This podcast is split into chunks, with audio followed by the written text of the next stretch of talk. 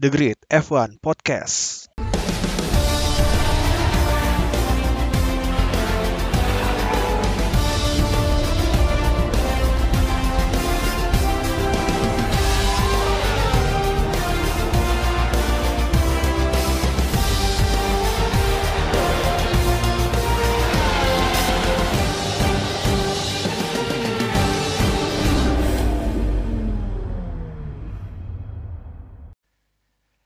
Yo, welcome back to The Great F1 Podcast. Eh, kali ini kita akan ngebahas tentang review Grand Prix Turki tahun 2021 bersama gue Rama dan juga eh, Enrico. Ini dia The Great F1 Podcast.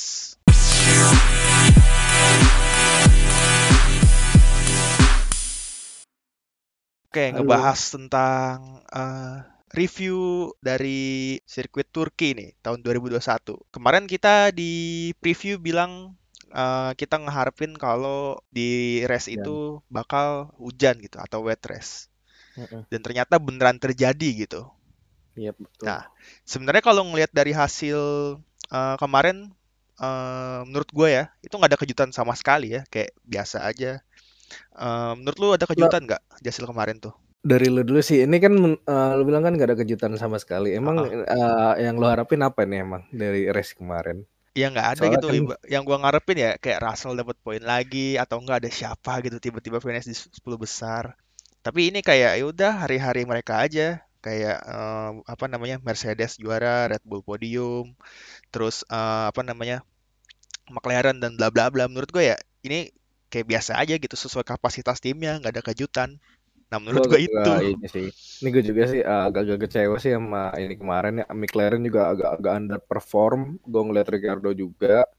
Terus Norris juga kayaknya belum belum bangkit lah dari masalah di Sochi dia kemarin. Kayak Iya masih betul harus betul betul. terus ini lagi lah buat race ke depan mesti disiapin lagi paling. Terus juga gue ngeliat di uh, dengan Lewis uh, ten place grid ya penalti Iya mungkin itu ngebuat race-nya jadi lebih seru sih dengan beberapa aksi-aksi yang dilakukan lah di balapan tersebut mungkin nanti kita bahas kali ya Nah, itu aja iya. Ini kita akan membahas eh, poin-poin penting dari eh, GP Turki kemarin nih.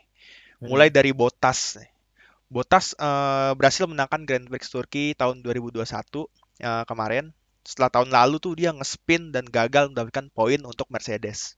Nah, Bottas juga mendapat pole position setelah Lewis eh, mendapatkan penalti karena ganti internal combustion engine ya, eh, ICE, ICE. Hasil Hmm. ini juga yang membuat Bottas meraih kemenangan ke-10-nya. Nah, gimana nih menurut lu dalam melihat performa Bottas di GP Turki lalu sama di eh, GP Turki sekarang? Ya kalau kita lihat sih performa dia di GP Turki tahun 2020 kemarin uh, kurang ya. Maksudnya kurang maksimal sih karena emang dari kondisi tracknya terus mungkin dari performa mobilnya juga dan ban yang dipakai. Gue ngeliat kemarin di Turki 2020 itu aku planningnya baik banget dan beberapa mobil tuh bukan beberapa sih kayak hampir semua mobil tuh masih pakai intermediate ya. Walaupun dengan intensitas hujan segede itu ya walaupun dibilang ada yang bilang hujannya udah berhenti cuman kan tracknya nggak kering-kering dan masih ada beberapa genangan air. Itu ber- ber- berbahaya sih kalau gue bilang buat driver-driver di sana. Apalagi kan eh, ini juga tracknya ini dia naik turun naik turun. Iya, nah iya, betul. dan ternyata beberapa tuh ya ya di awal-awalnya mau naik atau dia mau turun gitu.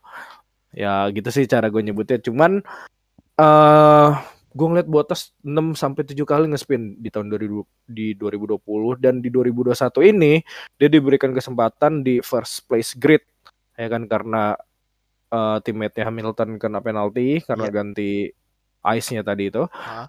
dan dia nggak manfaatin gitu. Dia mau bantuin Hamilton jadi juara satu juga nggak mungkin kan. Dan dia harus lakuin tuh ya udah menangin ini buat Mercedes dengan segala cara apa pun Iya, karena dan mau gantiin Hamilton juga terlalu jauh ya, keburu iya kesusul sama Red Bull.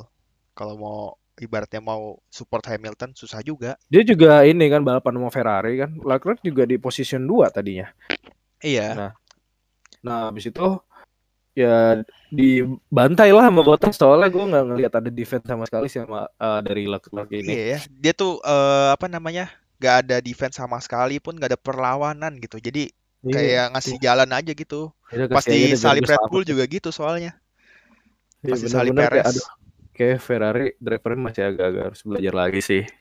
Ya gue ngelihat gitu. Cuman di 2021 ini Bottas berhasil nih kayak balas dendam lah atas uh, musibahnya kemarin dia nge-spin mulu. Sekarang dia berhasil ngebuat mobilnya tuh kayak jauh lebih stabil lah di medan yang basah walaupun gak basah-basah banget ya ya orang kan ngeliatnya ada beberapa driver juga mikir aku pakai ban slick saya lah tentunya salah Iya.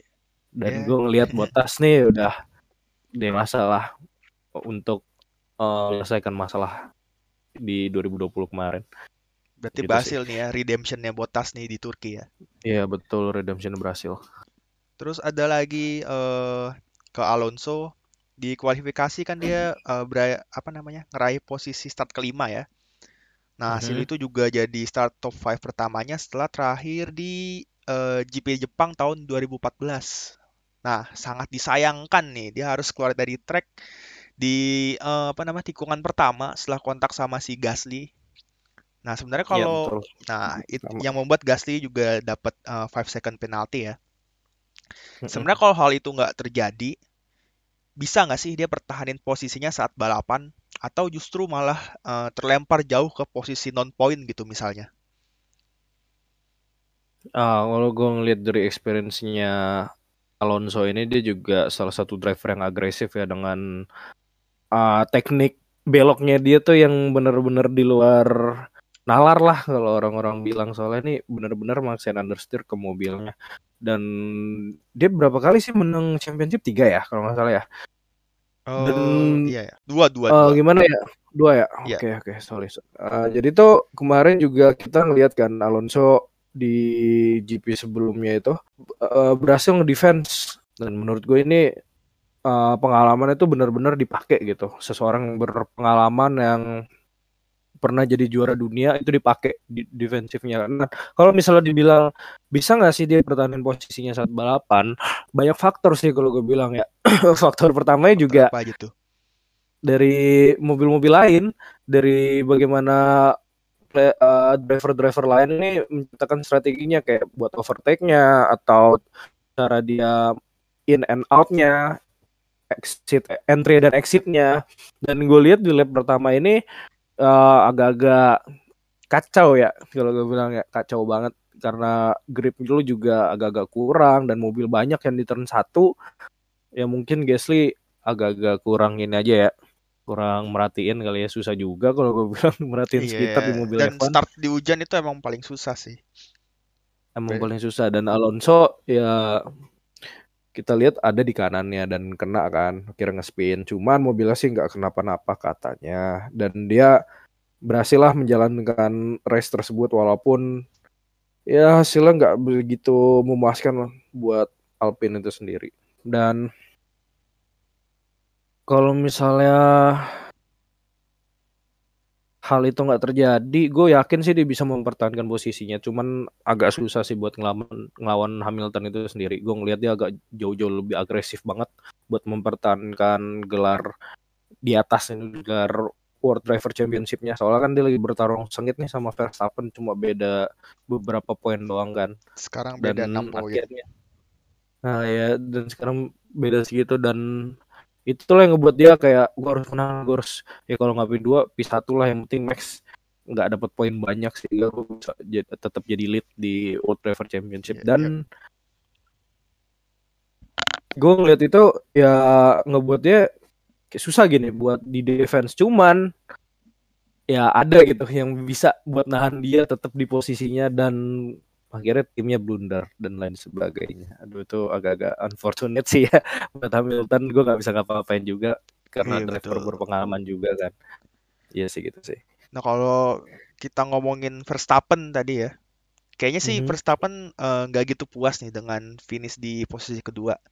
Nah mungkin harapannya dia bisa memanfaatkan penaltinya si Hamilton dengan meraih kemenangan di Turki. Nah tapi dengan hasil ini eh, si Max kan bisa memperlebar jarak poin tuh dengan Lewis jadi 6 poin.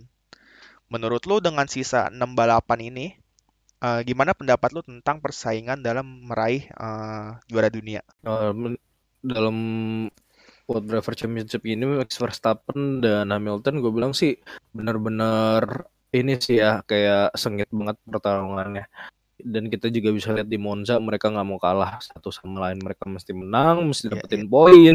Bukan buat diri mereka juga untuk timnya juga ya. Iya. dan beberapa hal itu beberapa keputusan yang diambil mereka ya ngebuat adalah beberapa tragedi dan ada juga beberapa kemenangan. Kalau gue bilang sih ya ini this is racing lah kalau misalnya Michael Schumacher bilang. Anything can happen semua bisa terjadi. Cuman ya balik lagi. Ya ini kan juga lu nggak balapan sendiri lu punya tim dan strategi masing-masing. Malahan ya kalau gue bilang pertarungan ini bisa seru bisa sengit banget itu karena timnya juga dan strategi-strategi yang mereka buat dari pit stopnya uh, terus penggunaan bannya dan lain sebagainya. Betul, dan ini eh, memang tim itu eh, penting ya. Eh, maksudnya kadang juga driver kan mengabaikan perintah dari tim gitu. Malah dia penting apa sih? dong ah, tapi sebenarnya fine-fine aja, sah-sah saja. Karena kan driver yang lebih mengetahui kondisinya dia kan, kondisi mobilnya. Cuman ya kalau misalkan eh, balik lagi tadi ke kerjasama tim, kalau misalkan kerjasama timnya baik dan keputusan timnya itu pun matang gitu, itu tuh lebih istilahnya lebih apa ya? Lebih bisa inilah, lebih bisa mendapatkan hasil maksimal gitu. Iya, bayangin aja kalau nggak ada tim ganti bannya gimana sendiri nggak mungkin Nah, betul. Nah, ngomong-ngomong tim lagi nih, ada lagi nih yang main judi nih di lintasan Oh, nih. Ada lagi yang gambling nih, itu Vettel nih. Sebenarnya agak aneh ya ngeliat Vettel ganti jadi ban kering di saat lintasan yang masih basah gitu. Berdasarkan eh, apa namanya percakapannya di radio Vettel ya, ternyata ban kering medium itu kan requestan dia sendiri ya. Race mhm. engineer-nya cuman kasih rekomendasi aja ke dia, lu mau ganti ke ban kering nggak? Sebenarnya kan dia bisa-bisa aja, enggak gue mau stay di intermediate gitu ya. Seharusnya kan seperti itu kan. Menurut lu kenapa betul. kenapa itu terjadi dengan pembalap sekelas Vettel dan tim Aston Martin yang sebenarnya eh, istilahnya apa ya, orang lama di F1? Ya kalau misalnya lu bilang gua nggak bisa 100% ini sih cuma pendapat doang ya. Eh, karena Vettel juga udah berpengalaman banyak dan udah beberapa kali juga di Turki ya. Mungkin eh, dia mikir kayak 2021 nih udah di-improve lintasannya, mungkin juga aquaplaning-nya juga ada diminimalisir jika terjadi hujan gede dan mungkin aja tracknya itu eh, bisa lebih cepat keringnya. Mungkin di praktis sudah udah ngerasain kali ya hal-hal tersebut yang akhirnya tuh bisa dibawa sebagai ya faktor-faktor buat dia ngambil keputusan untuk mengganti ban slicks tersebut. Karena gue juga ngelihat eh hujannya tuh nggak nggak gede-gede banget, maksudnya ya gerimis kecil gitu ya, walaupun masih basah dan masih mendung di sana. Cuman beberapa driver juga masih mempertahankan intermediate. Mungkin eh dikiranya eh dengan ban intermediate yang grip belum habis terus dia kayak udah mulai-mulai botak kan tuh ngeliat ban-ban yang Iya, lain iya, iya. intermediate nggak stop tinggal pinggirnya doang. botak kan ya gripnya juga makin-makin ya bisa aja gitu kan yang buat dia yakin dengan keputusan tersebut walaupun hasilnya tuh berbeda dan dia hampir memba- membahayakan driver-driver lain di lintasan Tapi seharusnya kemarin. dia tahu kan sebelum istilahnya satu lap sebelum dia masuk pit tuh dia harusnya tahu kalau ini lintasan masih basah nih, agak agak eh, agak riskan kalau misalkan dia ganti ke ban slicks gitu. Karena memang gue lihat eh, se- satu lap sebelum si Vettel ke pit itu memang masih basah banget, apa namanya istilahnya becek gitu, masih ada percikan air bla bla bla. Tapi Mm-mm. kenapa eh, apa sih? Ya gue bingung aja kenapa sekelas Vettel bisa istilahnya apa ya? Segambling itu. Menurut ya gue bukan gambling sih itu lebih ke apa ya? Ya mistake lah, miskal mistake happen. miskalkulasi lah kalau Eh, miskalkulasi Ya sekelas kalau Vettel. misalnya mau tahu alasannya sih kita mending wawancara Vettel langsung ya. Cuman dia sibuk kayaknya. Ya, Kita juga nggak bisa yakin. Ini pendapat doang sih, pure pendapat aja. iya betul betul betul. Nah, eh, ngomongin tim juga nih Red Bull dengan double podium ya. Eh, podiumnya si Max dan Perez di Turki. Ini dia memangkas poin konstruktor juga menjadi 36 poin dengan Mercedes. Nah, tapi Mercedes masih memimpin di atas Red Bull. Menurut lu Mm-mm. bagaimana lu ngelihat performa tim Red Bull di Turki, khususnya Perez setelah absen podium di 9 balapan sebelumnya?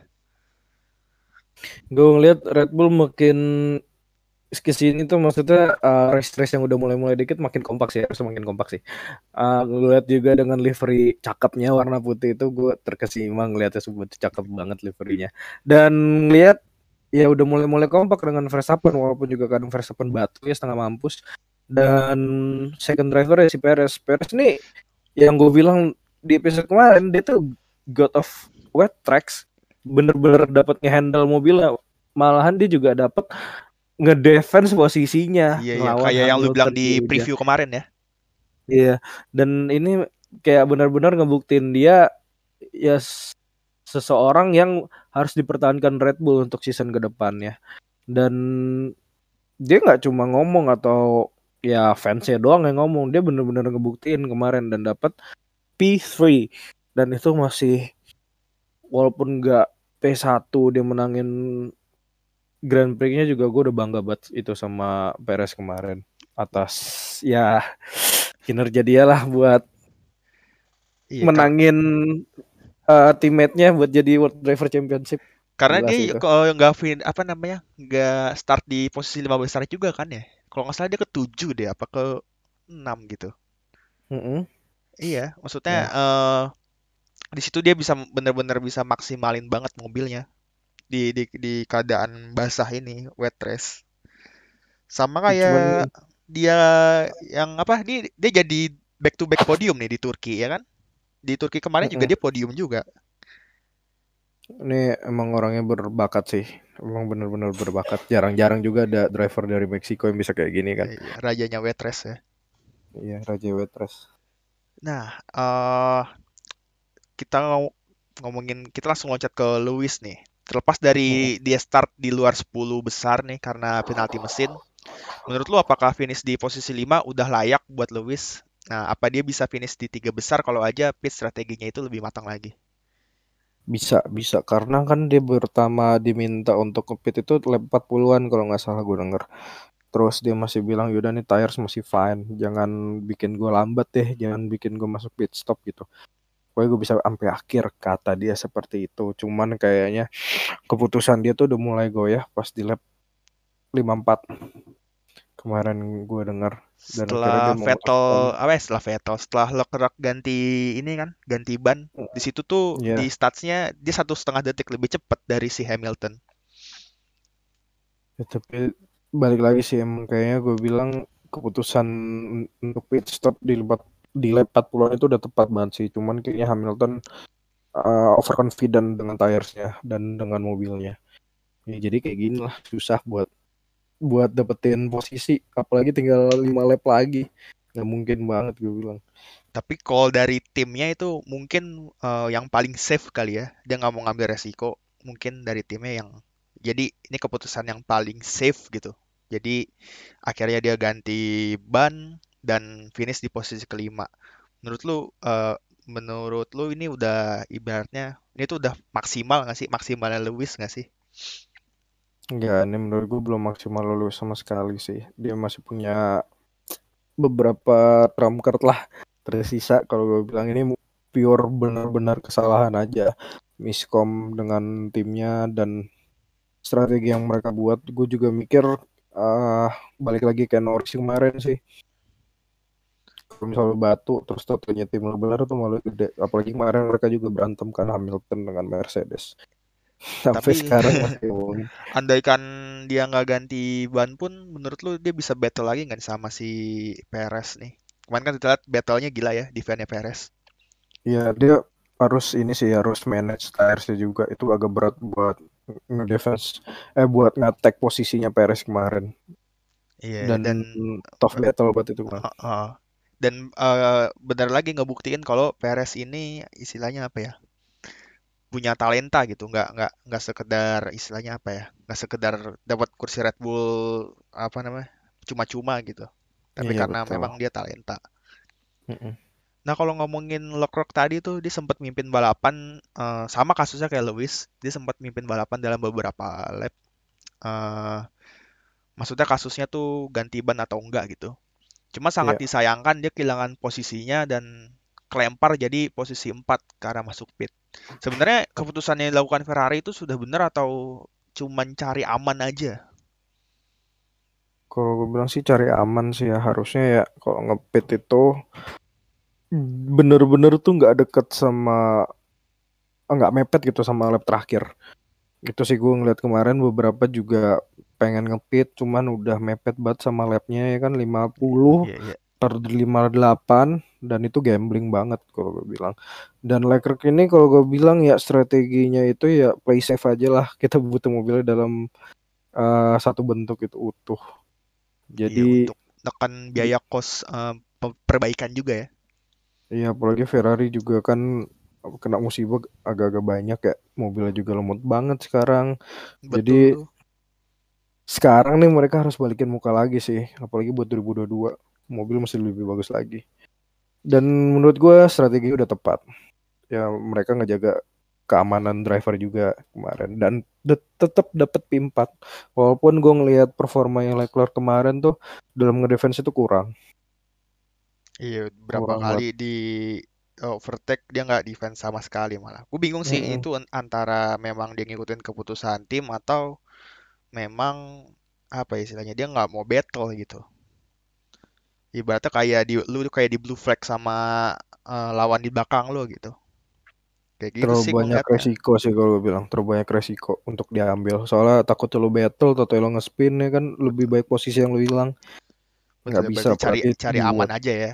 cari aman aja. 4 lumayan buat konstruktor juga dan juga eh, si Saints-nya juga dari dari posisi berapa ya? Belasan Belasan ke dia di belakang gue, terus iya, P8 ya kalau nggak salah ya. iya P8 dan dapat ini juga driver of the driver day. of the day, Ngomong-ngomong betul. driver Udah of the day, me- menurut lu, menurut versi lu, siapa driver of the day dari eh, balapan kemarin? Menurut gue ya, Iya, kalau misal cuma dari satu sisi doang si Sainz sih, itu Sainz buat jadi driver of the day. Cuman ngelihat lagi dari ya pertarungan sengitnya eh, ini apa namanya? Ngelihat pertarungan sengitnya Perez juga menurut gue bisa gitu buat jadiin bahan driver of the day. Cuman balik lagi ke fans kan, ini kan juga berdasarkan voting, bukan berapa saksi mata doang. iya. Jadi ya biarin fansnya yang mutusin deh. Bukan Jadi ada juri dan lain-lain ya. Ini kayak ibaratnya kayak. SMS apa namanya? SMS lomba nyanyi Indonesian Idol. Iya Indonesian kayak Idol gitu. gitu ya. Tapi menurut gua driver of the day kemarin sih ya si Perez sih. Karena Iya. eh, bagaimana dia memenangkan poin untuk timnya dan kontribusinya buat nahan Hamilton. eh ya menurut gua driver of the day-nya Perez buat eh, kemarin. Dan Sainz juga lumayan sih dari apa namanya fight dari posisi belakang finish di P8 dan itu mungkin udah semaksimalnya Ferrari menurut gua gitu. Iya.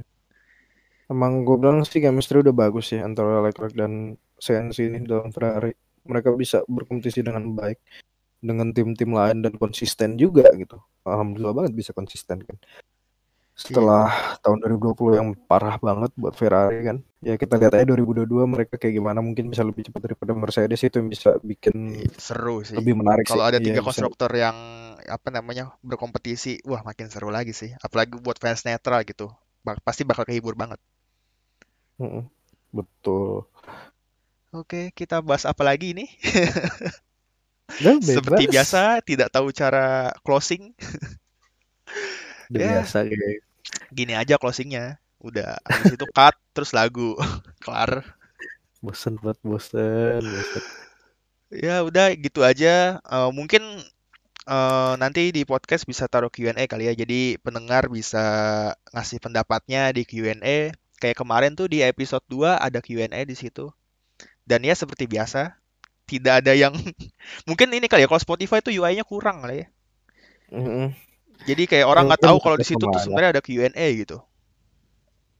Mungkin, mungkin kurang info aja. Ya gitu. Terima kasih udah ngedenger. Sampai jumpa di episode selanjutnya dari The Great F1 Podcast.